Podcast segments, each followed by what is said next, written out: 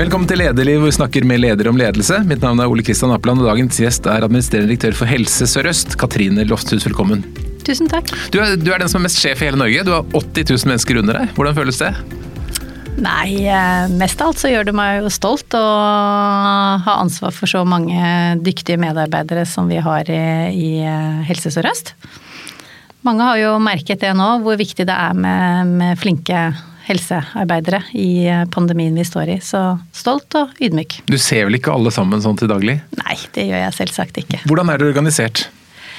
Nei, Vi er organisert sånn at uh, Helse Sør-Øst eier elleve uh, helseforetak. Ni av de helseforetakene er det vi vanligvis kaller sykehus. Hvis vi tar et eksempel som er Vestre Viken helseforetak, så består det igjen av flere sykehus.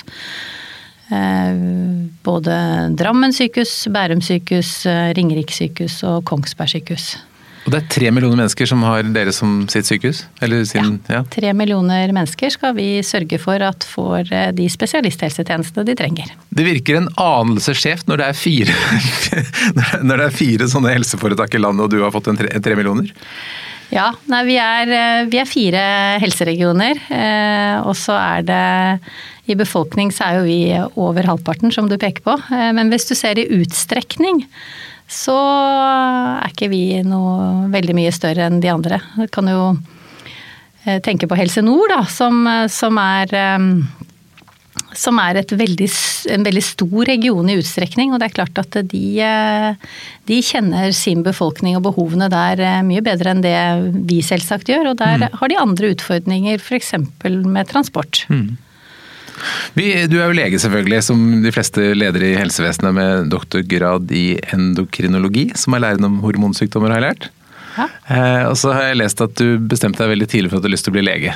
Eh, men når bestemte du for at du ville bli leder? Nei, jeg studerte økonomi, administrasjon og ledelse ved siden av medisinstudiet. Eh, for du syns liksom ikke det var nok med medisin? Nei, Det var litt tilfeldig. Jeg hadde en eh, kjæreste da, som er mannen min nå, som, eh, som, hadde lyst til å studere økonomi, og som eh, lurte meg litt med på det.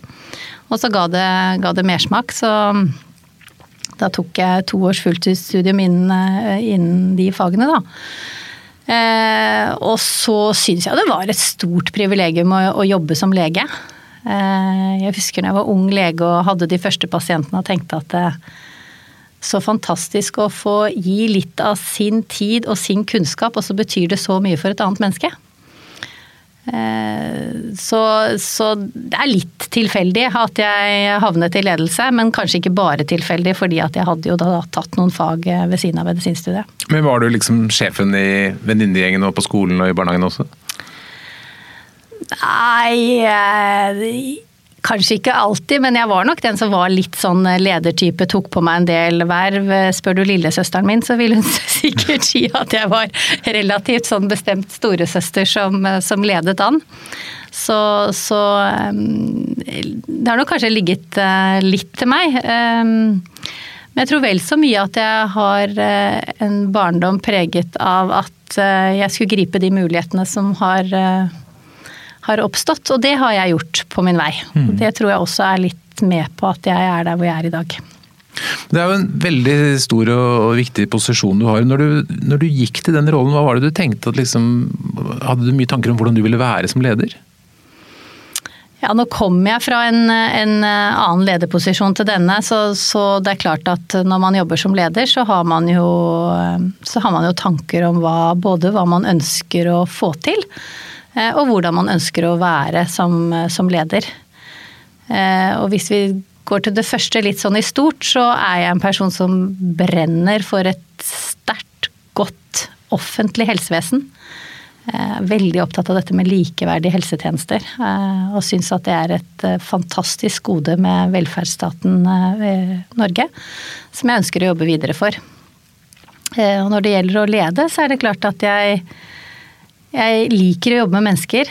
Eh, liker å sette sammen team eh, som kan eh, Hvor man kan hente ut det beste av enkeltindividene. Eh, og, og, liker å, å, hva skal jeg si, løfte fram andre. Eh, og er opptatt av det å være med å stake ut retning, kurs og kommunikasjon. Mm. Hvordan vil du at de rundt deg skal oppfatte deg som leder? Nei, jeg vil jo at de skal oppfatte meg som en tydelig leder som, som, eh, som peker ut en retning, og som er med å vise hvor vi skal. Eh, jeg ønsker at, og jeg vet at jeg stiller krav, er en kravstor leder. Eh, men jeg ønsker samtidig at de skal oppfatte at jeg gir andre mulighet. At jeg er lyttende.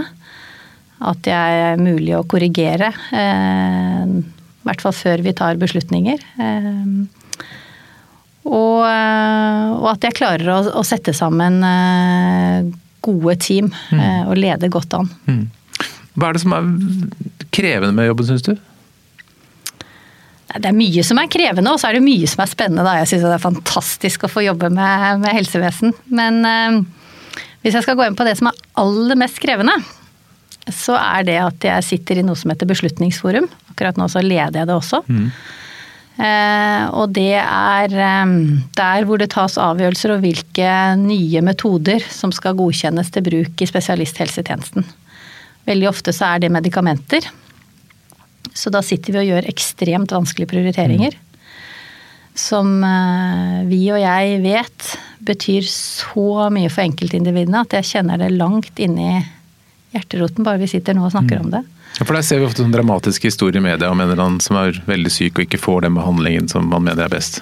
Ja, og da er det, er det sånn at det er viktig for meg å si at um, vi er heldige som bor i Norge og har et demokrati. Vi velger vårt storting, og det er faktisk at Stortinget som har bestemt de prioriteringskriteriene vi skal bruke.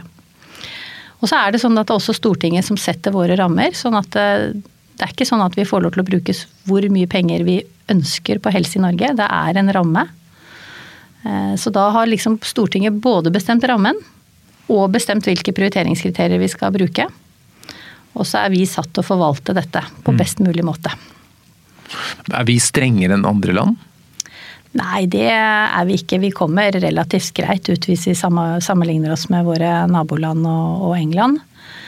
Men, eh, men, til forskjell fra Sverige, så der kan det være sånn at et ett len, som de bruker da, eller fylket, kan, mm. kan, bestemme noe, et annet len noe annet. I Norge så er det sånn at vi fire helseregionene må bli enige.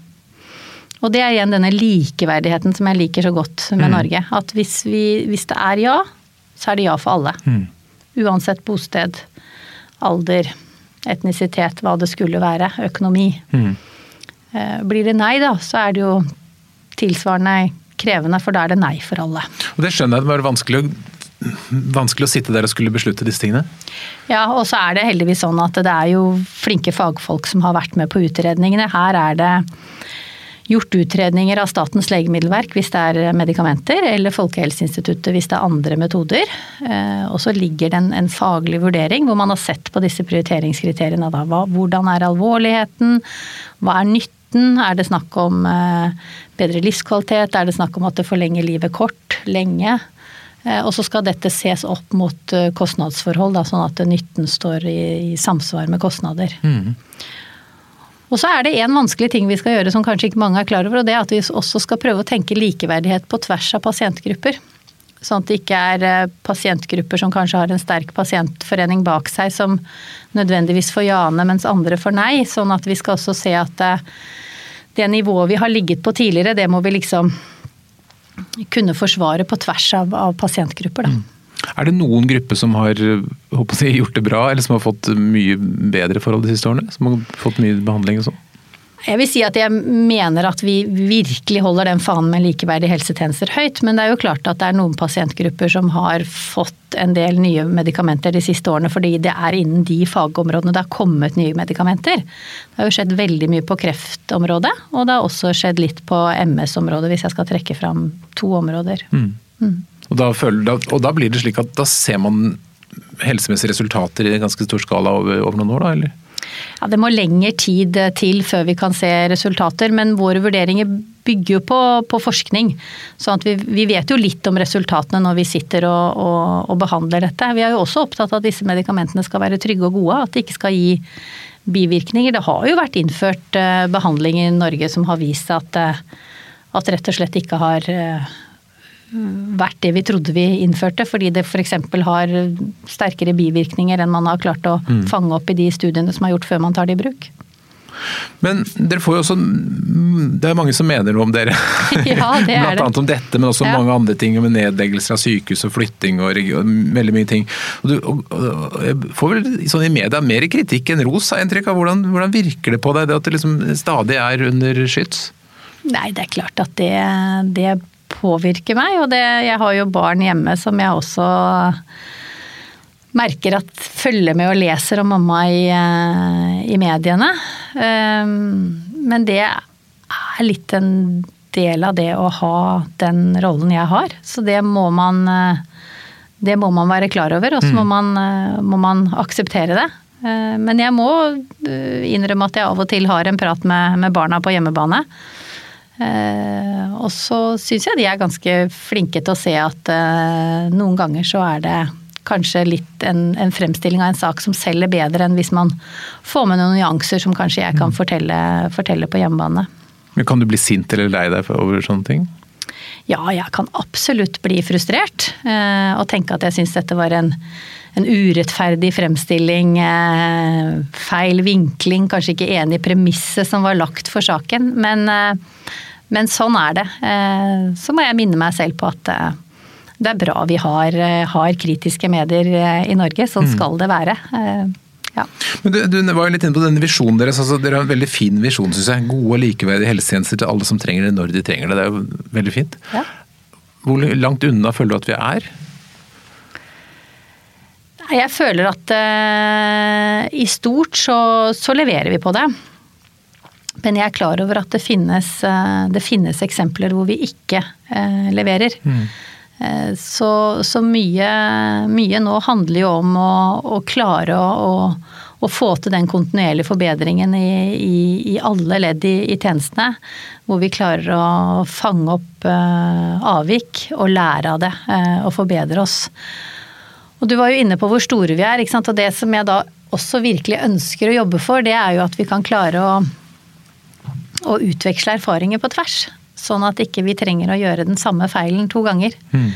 Men der er jo vi mennesker litt sånn, og det kan jeg jo merke på privaten. ikke sant? At det, er, det sitter bedre det du har opplevd selv, eller der hvor du har feilet selv, eh, enn det du har hørt andre gjort. Men vi jobber virkelig for å, for å klare å utveksle erfaringer på tvers, da. Og, og, og løfte oss sammen. Mm. Men du sitter jo da med ganske stort uh, hierarki under deg og ser mange virksomheter, mange ledere. Uh, og som jo på mange måter har like forutsetning, men presterer på, på ulik måte. Hvor mye betyr ledelse? Altså, hvor, hvor stor forskjell er det på en god og en dårlig leder på et sykehus? Jeg mener at ledelse betyr uh, veldig mye. All virksomhet må jo være organisert på et eller annet vis. Eh, og vi må ha, ha ledere som, eh, som, både tilrettelegger, koordinerer, kommuniserer godt og viser vei. Eh, og i helsevesenet som i andre sektorer så betyr ledelse mye. Og det har vi jo sett nå i, i pandemien. Mm. Merker jeg godt hvor viktig det er å ha trygge og gode ledere som, som, som har oversikt over situasjonen Eh, og som kan ta bekymringene og problemene som, som de ansatte står oppi på alvor, og virkelig gjøre noe med det. Så hva, hva føler du er det viktigste kjennetegnet ved de som er gode ledere? Jeg, jeg har noen kjennetegn. Altså jeg tenker at uh, jeg har veldig tro på at du må kunne noe om eh, sektoren du leder. Du innledet jo med å si at jeg er lege. Jeg mener ikke at alle ledere i helsevesenet må være lege. Absolutt ikke. Men jeg mener at, vi, at man må kjenne sykehusvesenet. Det tror jeg er, eh, er viktig. Mm. Eh, så må man være lyttende, så må man være god til å kommunisere.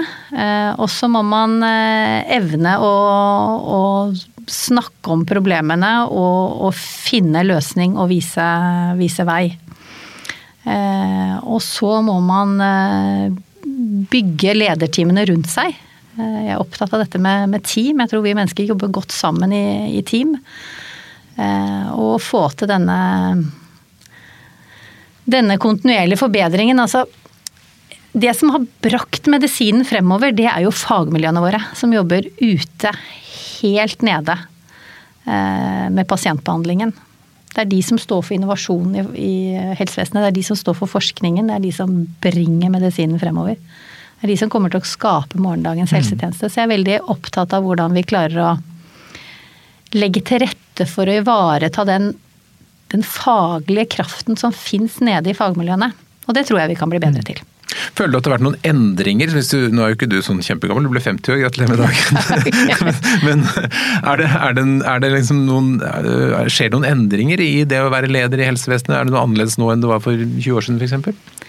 Ja, det, det, tror jeg. Jeg tror det stilles mer krav til eh, lederne nå. Eh, et område som, som vi eh, nå må jobbe mye mer med enn man gjorde for kanskje 10-20 år siden, er jo digitalt lederskap. Mm. Hvordan vi skal utnytte de digitale ressursene som vi, som vi har eh, i helsevesenet. Eh, så det er annerledes. Jeg mener fortsatt vi har ganske mye å gå på rundt, eh, rundt det å hva skal jeg si, ta vare på gull i organisasjonen vår, da, som er kompetansen til de ansatte. Mm.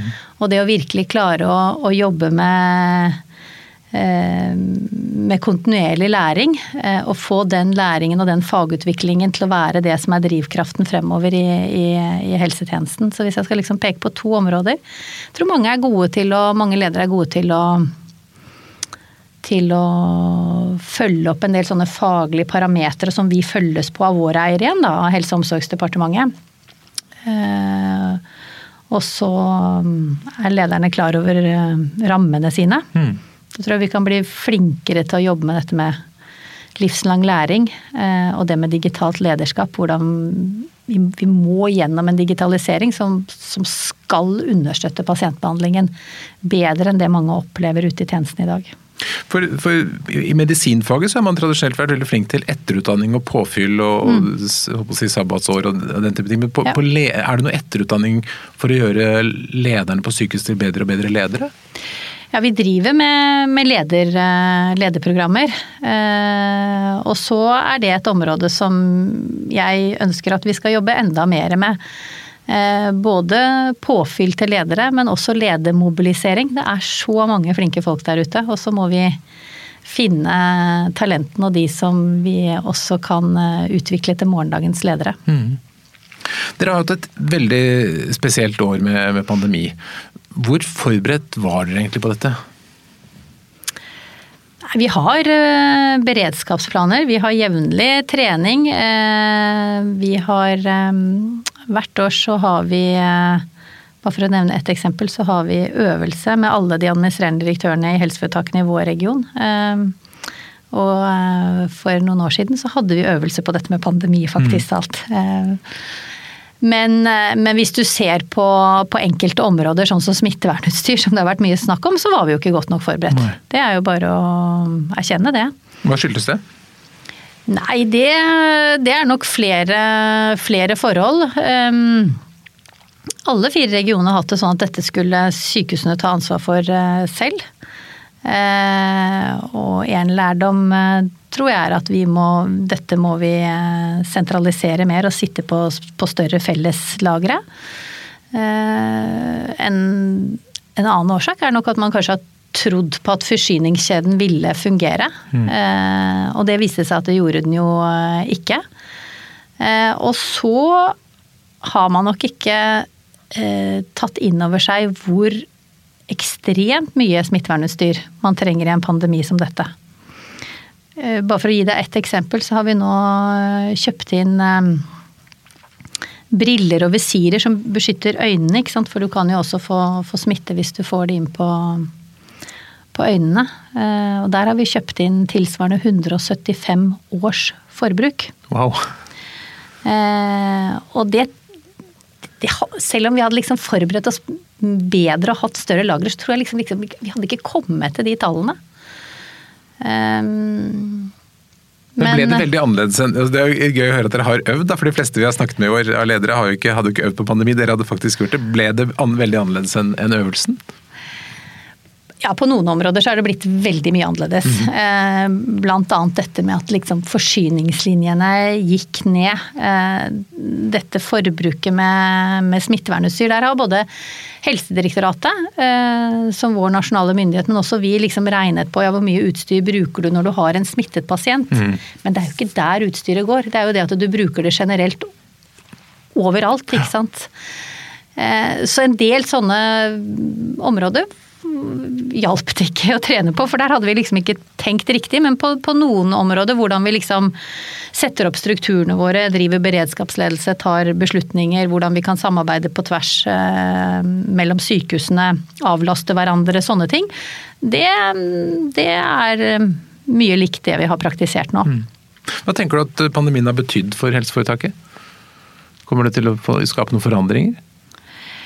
Ja, det vil jeg absolutt si. Ehm, det Både hvordan vi kommer til å være forberedt eh, i fremtiden. Mm.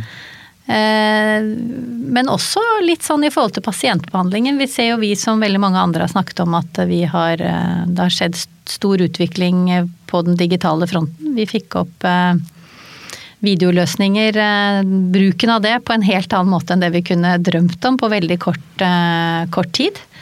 Eh, så vi måtte i vår region ha to leverandører av det, sånn at, vi, skulle, sånn at vi skulle liksom fordele belastningen litt. Eh, da var vi i en krisesituasjon, så da kunne vi liksom unngå lov om offentlig anskaffelse og bare tok sjefsavgjørelser og fikk det på plass. Eh, kjørte ikke alle disse prosessene som jeg er veldig god på, hvor vi liksom skal ha høring og alle brukere og tillitsvalgte og ikke sant. Vi mm. måtte bare fikse det. Så vi har nok lært litt sånn hvordan vi kan kanskje være litt raskere med noen prosesser i fremtiden. Um, og så er det interessant å se at pasientene har eh, ønsket dette. Nå er det mange som ønsker seg tilbake til litt det fysiske møtet med, med sykepleieren eller legen eller hvem de møter. Men, men det har vært um, god pasientbehandling, men også veldig mye godt smittevern i det mm. at vi kunne bruke videokonsultasjoner. Men har det gått ut har, har det gjort det mer effektivt på noen områder? Ja, det vil jeg, det vil jeg si. Mm. Eh, og vi har spart eh, pasienter for, eh, for, reise til og fra sykehus. Så jeg tror en, en klok bruk av dette fremover, hvor det er hvor vi må hensynta ønsket til pasienten, men i hvert fall kan bruke det innimellom, det, det er jeg helt sikker på at vi at vi kommer til å, å se. Mm. Har det vært litt gøy? Ja, det har vært krevende. Og så er, er, det jo litt gøy å se at vi får til ting også, da. Mm. Jeg, jo, jeg er jo tilbake til at jeg blir veldig stolt. Altså, jeg syns at eh, sykehusene har gjort en formidabel eh, innsats.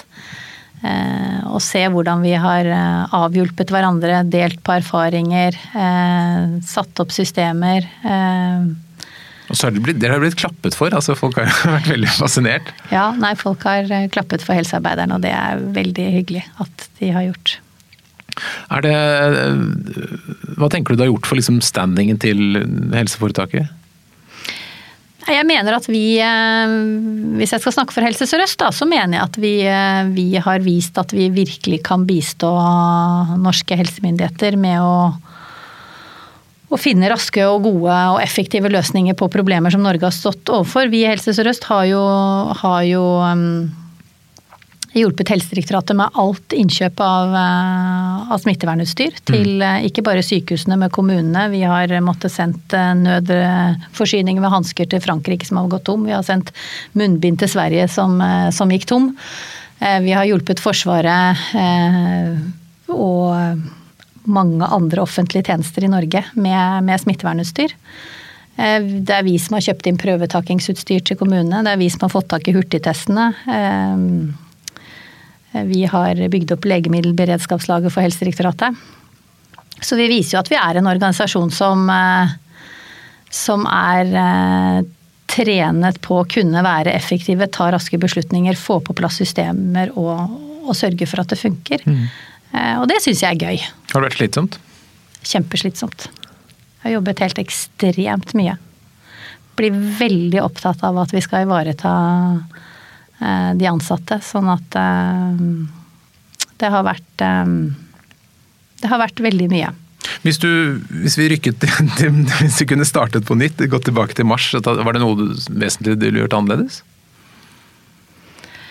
Nei, da må jeg før mars, ikke sant. At Ja. hvis vi skulle vært forberedt. Men akkurat det vi gjorde i mars, det, det mener jeg vi, vi støttet regjeringen på at man eh, lukket ned i mars. Det tror jeg var veldig avgjørende. Eh, For at vi hadde kontroll i helsevesenet. Det hadde vi. Og for at vi fikk tak i smittevernutstyr. Um, og det, det var jo en, eh, en litt pussig, men litt morsom eh, historie også. Fordi at vi hadde begynt i vår region å eh, å be våre leverandører eh, levere oss mer utstyr allerede i slutten av januar. Og så merket vi i februar at, eh, at de hadde problemer med forsyningslinjene. Og så begynte vi å tenke litt ut av boksen, og så sa vi til vårt eh, innkjøpsselskap at dere må begynne å kjøpe inn av nye leverandører, og vi må bare og etter hvert da så erklærte jo WHO dette for en pandemi, og vi skjønte at her var det bare å få tak i mer. Eh, Og så klarte ikke alternative leverandører å levere heller, og det ble tydeligere og tydeligere at, eh, at det var forsyningslinjene som var det vanskeligste. Eh, Etter hvert så var det også en del fabrikker som stengte. Eh, og vi, vi hadde jo sånne surrealistiske opplevelser som at det sto, det sto trailere på Svinesund med åndedrettsvern til våre sykehus som ikke kom over grensa, fordi at EU eh, innførte jo plutselig eksportrestriksjoner på smittevernutstyr, så vi fikk det jo ikke ut av Europa. Eh, Og da er det jo fantastisk å bo i, i Norge og bare merke hvordan du får eh, attention helt opp i regjeringen, som, som og UD setter seg på saken og, og, og får disse trailerne over, eh, over, over Svinesund. Men da var det egentlig dialog med Utenriksdepartementet som gjorde at jeg satt en kveld. Det var Vi stengte ned den 12., og dette var den 18. eh, mars. Og da tenkte jeg at dette går ikke mer. Vi må, vi må å Vi har utstyret eh, i andre land. Vi må begynne å frakte det hjem. Så da satt jeg en kveld, så ringte jeg til UD og så sa jeg vet du hva, jeg trenger deres beste menneske på å kunne hjelpe meg å begynne å transportere. Morgenen etter så ringte jeg til eh, sjefen i Avinor og så sa jeg jeg trenger din beste mann på fly. Jeg må begynne å chartre fly. Eh, Det var eh, om morgenen torsdag den 19. eh, mars. Klokka 11 den dagen så signerte jeg min første avtale på at jeg chartret et fly hjem fra, fra Kina. Eh, Søndag samme uke så landet jeg på Gardermoen eh, med munnbind. Eh, Og da hadde vi satt opp en bro for å frakte utstyr hjem både fra Kina, Malaysia og andre land. Det har vært helt avgjørende fra Norge. Og det å liksom sitte og ta sånne sjefsavgjørelser Jeg ringte til IKT-direktøren min den onsdag kvelden, og så sa jeg til han at Rune, jeg tror du har fått deg en ny jobb. Og så fortalte jeg at jeg måtte sette opp et sånt fraktteam, og jeg tror han tro, trodde jeg bare tulla. Jeg måtte tenke litt på det og sånn. Og så la jeg på røret, og så snakket jeg litt mer med UD og fikk støtte for at vi liksom Dette måtte vi bare gjøre. Så ringte jeg tilbake til han og sa vet du, du får ikke tid til å tenke deg om. Jeg beklager, i morgen tidlig klokka sju skal du være på jobben. Du skal lede fraktteam, og vi må ha få det smittevernutstyret hjem til Norge. Sånn holdt vi på. Tenker du at vi kan basere oss på internasjonale sånne kjeder i fremtiden, eller burde vi lagd mer selv? Nei, vi har jo inngått avtale med noen norske leverandører. Det produseres jo nå munnbind i, i Sykkylven for oss. Vi har hatt flere som har produsert eh, bl.a. en fabrikk i, eller en firma i Skien som har produsert smittevernfrakker. Eh, Vi har noen norske nå som skal produsere åndedrettsvern for oss. Så men du vet at lov om offentlig anskaffelse, hvor vi ikke har lov til å i fredstid, da holdt jeg på å si, når vi ikke er i krise, ikke har lov til å eh, gi en fordel til norske leverandører, så er det ganske vanskelig for norske bedrifter å, å, å vinne frem. Så, så, så her må vi tenke sammen med myndighetene i forhold til hva Kanskje vi kan gjøre sånn litt sånn Ja. beredskapsmessig, da. Om vi kan si at noe er i forhold til beredskap, og det er noe annet enn det vi vanligvis jobber med. Men nå, Mm. nå holder eh, departementet og direktoratet på å utrede dette med et, et større nasjonalt lager for smittevernutstyr, annet. Har du lært noe nytt om ledelse i år? Syns jeg lærer noe om ledelse hele tiden, jeg. Jeg synes jo det er Det pleier jeg å si til barna mine at det jeg syns jo det er fantastisk å få gå på jobben og nesten lære noe nytt hver dag. Eh, Så det, og det er liksom de der små tingene i forhold til måter du kommuniserer på, måter du kan være med å skape trygghet. Eh, Igjen dette med å sette sammen eh, team, bare dette fraktteamet som er satt sammen av folk som ikke kjente hverandre i det hele tatt. En fra UD, en fra Avinor, eh, min IKT-direktør som skulle begynne med flyfrakt osv. Ja, lærer noe. Mm.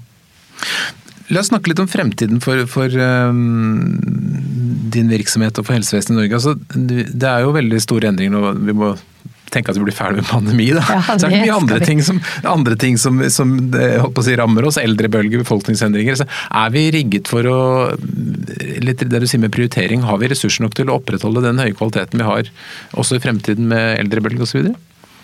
Det er jo det vi jobber for. Eh, og så er det sånn at hvis du ser på Statistisk sentralbyrå sine fremskrivinger, så er det jo sånn som eh, en av tre unge som må inn i helsevesenet hvis vi gjør ting akkurat på samme måte som vi gjør i dag. Så det kan vi jo ikke gjøre. Hvordan skal vi gjøre det da? Nei, Det er jo her vi, her vi jobber med, med bl.a. Eh, digitalisering, og er veldig opptatt av pasientene selv og den ressursen pasientene selv er, og også de pårørende. Vi kan jo se på andre sektorer hvordan vi som forbrukere har liksom endt opp med å gjøre mye av eh, av hva skal vi si, transaksjonene eller arbeidsprosessene selv. Da. Og vi har, eh, vi har, pasienter som kan mye om, eh, om egen helse, eh, og som, og som ønsker å, å være med og ta ansvar for egen helse. Så vi ser f.eks. på dette med å å få på plass eh, digitale løsninger som gjør at vi kan følge opp en del pasienter eh, hjemme. Mm. Eh, som gjør at en del kronikere ikke trenger å komme kanskje på disse kontrollene som er liksom helt sånn slavisk hver tredje måned, eller Men hvor de kan drive med selvrapportering inn til helsevesenet, som, som, gjør at vi kan monitorere og, og, og passe på utviklingen. Det pasientene sier til oss, er at de er veldig opptatt av at de må ha en trygghet for at når de trenger oss, så kan de komme inn. Men på den måten så kan vi ha mer brukerstyrt poliklinisk oppfølging, eller digital hjemmeoppfølging om du vil. Eh, og sånn sett bruke ressursene våre mer målrettet på de som trenger det, og følge med på de som det går bra med.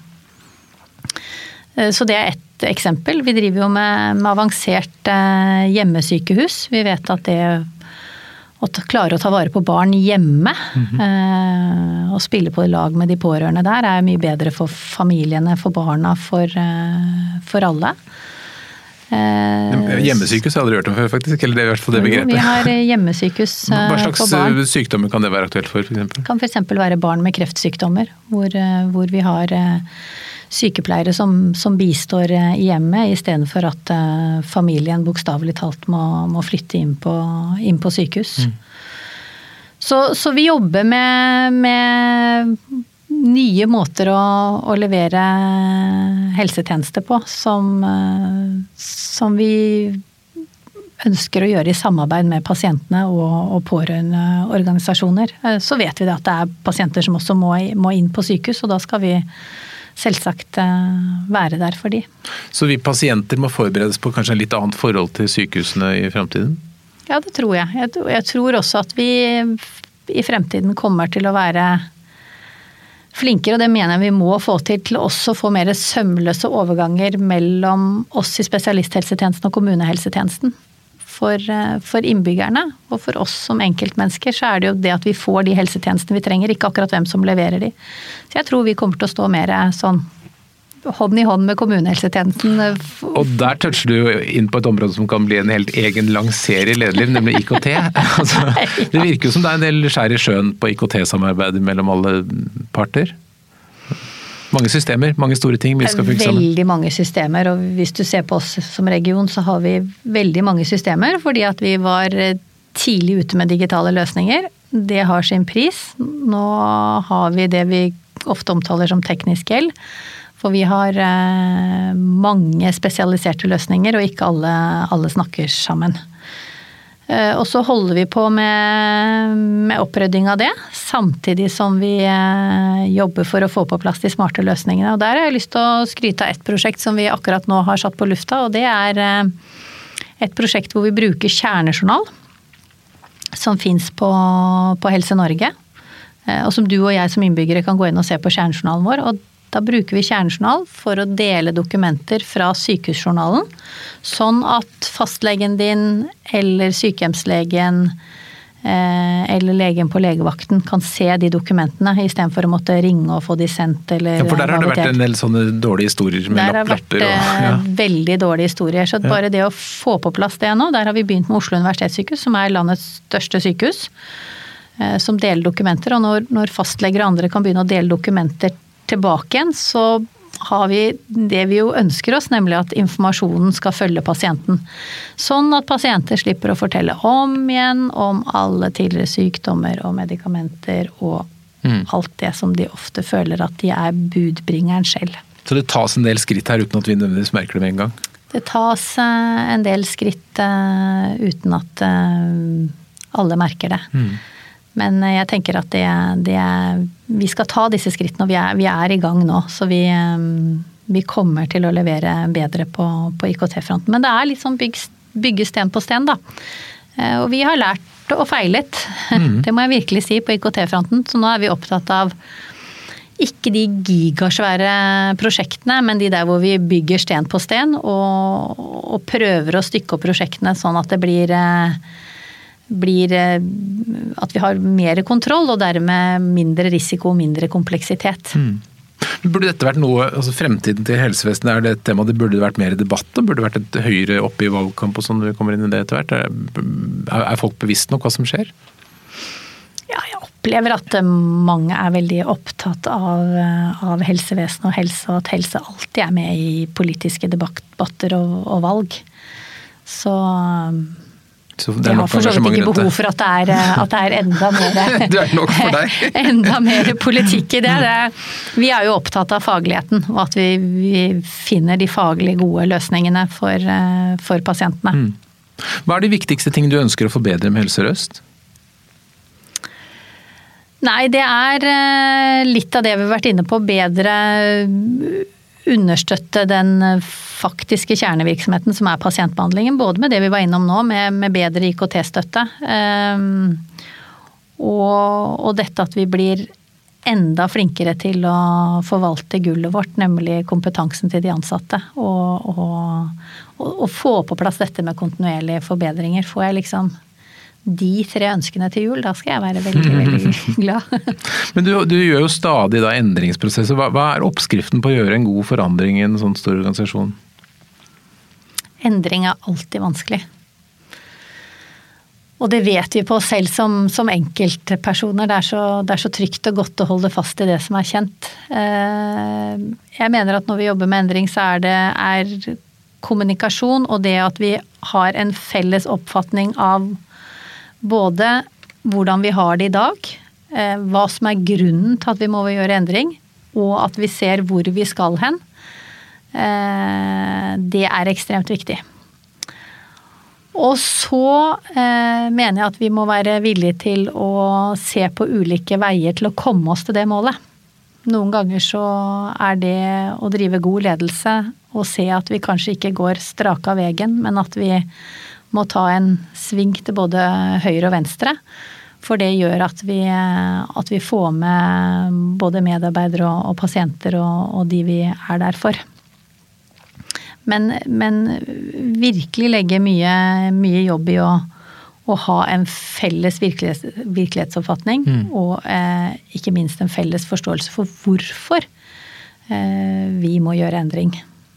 Du snakket om kommunikasjon, det å sette mål og retning. Hva er dine liksom, viktigste kanaler for å få ut dine visjoner og, og føringer? Det er, eh, det er lederne. Det er lederne av eh, sykehusene, av helseforetakene i, eh, i vår eh, region. Det er mange undersøkelser i våre sykehus som, som viser at, at de ansatte sier at de får den, den, viktigste og mest beste informasjonen og ønsker å få mest informasjon fra lederne sine. Så er det selvsagt at vi er ute med med nyhetsbrev og pressemeldinger og er på allmøter og, og snakker sånn som alle ledere gjør. Eh, men, eh, men det å, å, ha med lederlinjen, det er, det er veldig, veldig viktig.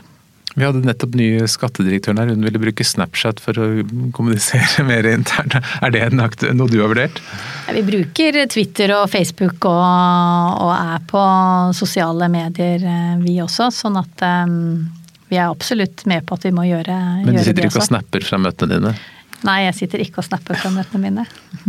Hvordan, øh, hvordan, vil du forbedre deg selv? Har du noen tanker selv hvordan du kan bli enda bedre som leder? Har du, har du noen forbedringsprosjekter? Ja, det man kan, man kan, hele tiden bli bedre, og det, det, er jeg faktisk veldig opptatt av. At uh, jeg, jeg, er helt sikker på at både en selv, men også alle prosesser vi jobber med, kan alltid bli bedre. Eh, og så skal man være litt, litt, forsiktig med at man alltid tenker at man skal forbedre prosessen sånn som det er, for kanskje prosessen burde vært helt annerledes.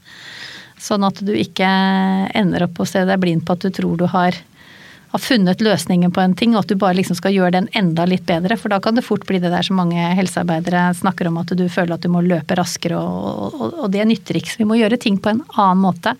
Når det gjelder meg selv, så, så er jeg sikker på at jeg kan bli enda flinkere til å kommunisere, eh, og at jeg kan bli enda bedre til å eh, løfte fram eh, folk rundt meg eh, og bygge team. Så du har vært flink i dag, du har løfta frem flere i dag, da.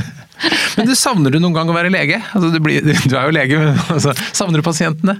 Ja, det kan jeg av og til gjøre. Hvis jeg, når jeg er ute på besøk på, på helseforetak og ute i avdelinger og sånt, så kan jeg liksom tenke tilbake på at det, det var et fantastisk privilegium å få lov til å være lege også. Men, eh, men jeg har Får vi se deg tilbake? Har du en liten sånn loop i karrieren her, eller? Nei, det tror jeg egentlig ikke det. Det er litt, sånn, litt for lenge siden nå. Men, men um, Nei, men jeg, jeg, har, um, jeg har liksom hoppet, hoppet, av det nå. Men jeg, jeg, kan, jeg kan, kjenne på følelsen. Og jeg, jeg syns det var, det var stas å være, være lege også. Men jeg, jeg brenner veldig for et sterkt og godt helsevesen, som jeg sa. Og jeg er ekstremt ekstremt lett å engasjere. Så jeg blir jo engasjert i alt åkke som. Eh, så det, det er jo også litt sånn på godt og vondt, da. Mm. Hva er du mest stolt av som du har fått til, da? Hva er jeg mest stolt av at jeg har fått til? Mm. Nei, det, det, er egentlig mange, mange små ting. Altså, det, vi i Helse Sør-Øst er så store at jeg tenker at det er, et, det er, en, eh, det er en svær skute å snu, og vi, vi, liksom, vi får ikke til de vi får ikke til de store revolusjonene, så det er liksom de, de, små skrittene. Akkurat nå så er jeg ganske stolt av det prosjektet som jeg fortalte om nå, når vi har klart å begynne å dele dokumenter fra journalene til sykehusene ut til fastleger og ut til deg og meg som pasienter. Så det er liksom sånne små skritt som, mm. som jeg må plukke fram for deg da. Det er liksom ikke den ene ene store, store tingen. Men, men, vi leverer generelt godt uh, i Helse Sør-Øst. Jeg er stolt av den innsatsen som gjøres. Mm. Vi, akkurat nå har vi jobbet veldig mye med å forbedre oss med når det gjelder pakkeforløp for kreft. Som skal være en trygghet for pasienten. At de liksom at, at de kommer videre i de ulike stegene. ikke sant? Fra en henvisning er mottatt på sykehuset, til du har fått en time, til du har fått en diagnose, til det er bestemt hva som skal gjøre med deg snakket med mange kreftpasienter som sier at det der er en veldig sånn trygghet. For før så kunne det være sånn at når familie og venner spurte hva skjer nå da, så visste de liksom ikke. Med disse pakkeforløpene så vet de liksom hele tiden hva som skal skje. Og da er det jo ganske fantastisk å se at når, når vi i toppledelsen i Helse Sør-Øst setter et veldig fokus på dette her, har det eh, i disse oppfølgingsmøtene som vi kaller det, med helseforetakene våre. De må fortelle hvordan de jobber med forbedring. Vi passer på at de lærer på tvers. Og så klarer jo å vise til resultater nå hvor vi liksom oppi denne pandemien har klart å forbedre oss på pakkeforløp for kreftpasienter og får det med prioritering til å virke, så blir jeg kjempestolt. Nå skal vi være forsiktige med å liksom juble over pandemien, men, men, kan det være noen positive ting i at man liksom har fått eh, trent endringsmuskulaturen litt? og vist at det går an å ja, ja, ja, klart vi har fått trent eh, endringsmuskulaturen. Det har vi. Og vi har også, helsepersonell har vist at de også er flinke til å gjøre, gjøre prioriteringer. Eh, vi snakket jo i stad om, om, Beslutningsforum og det å liksom ta disse prioriteringene på overordnet nivå, men det, det, skjer prioriteringer i helsevesenet hele tiden, hver dag. Eh, og som jeg tror kanskje mange politikere ikke tenker over eller, eller ser. Eh, og det å liksom gå tilbake nå og se at stort sett har også prioriteringene fungert ute nede i tjenesten i en pandemi som dette, sånn at de har klart å prioritere det mest alvorlige. Eh, og at vi noen ganger må prioritere. Kanskje vi får opp den prioriteringsdebatten litt mer, og, og som du sier, får opp endringsevnen, da. Mm. Helt til slutt, Katrine. Hvis det kommer en ung person til deg, kanskje et av barna dine, og sier mm. jeg vil bli leder, jeg vil bli sånn kjempegod leder. Hva er de viktigste rådene du vil gi da? Hva er de tre viktigste lederrådene? Ja, det er et godt spørsmål. For det første så ville jeg jo svart at jeg syns ikke du i utgangspunktet skal liksom gå rundt og tenke at jeg vil bli leder. Jeg syns man skal ta en utdannelse og begynne å jobbe innenfor et område som man brenner for, og hvor man tenker man kan få utrettet noe. Og så ville jeg sagt til den unge personen at og så, hvis du tenker på ledelse, så må du jobbe litt, bli kjent med sektoren eller feltet, og så må du ta de mulighetene som byr deg, eller prøve eh, mm. å komme deg videre. Så det ville jeg sagt. For det derre 'jeg skal bli leder', det tenker jeg liksom Ja, det er ikke bare eh, du må ha noe fundament å bygge lederskapet på, da, mm. vil jeg mene. Men eh, nei, eh, leder, da vil jeg si kommunikasjon er viktig. Eh, åh, det ble vanskelig bare å velge tre, da. men hvis det første er det, da, være sikker, ikke, ikke ha som mål å bli leder, men, men bli det, jobbe først og, og, så ta det derfra. Og det andre ja. er å kommunisere godt. Hva vil det tredje være? Ja, må, da må jeg ta liksom sammen og kommunisere godt, fordi at du må, må, kunne vise vei, peke ut retning, og det må du også kunne kommunisere. Jeg tenker mm vi mennesker er jo ingenting hvis vi ikke kan kommunisere. Hele, hele vår hyggelige prat i dag bygger jo på at vi kan, kan kommunisere. Ja. Eh, nei, da tror jeg kanskje, og da har jeg lyst til å kombinere flere ting. Da er jeg liksom enten inne på dette å, å bygge team og få, få, folk til å jobbe sammen, eller så, eller så må det være det å eh, å være flink til å se ulike løsninger på problemer. Mm. Ja. Se ting fra flere sider, ja. Spennende. Det var gode råd. Katrin Latsrud, tusen takk for at du kom til Lederliv. Lederliv er en podkast fra Apeland. Vi legger ut nye episoder hver fredag, og du kan trykke abonner, så får du et varsel. Redaksjonen består av Ellen Paulsen, Lars Jarle Melum, Lars Bolden og meg, som heter Ole Kristian Apeland. Vi er veldig mottagelige for ros og ris på e-post til meg, ole.apeland.no. Eller du kan gi oss en stjerne der hvor du hører podkasten. Takk for at du lytter.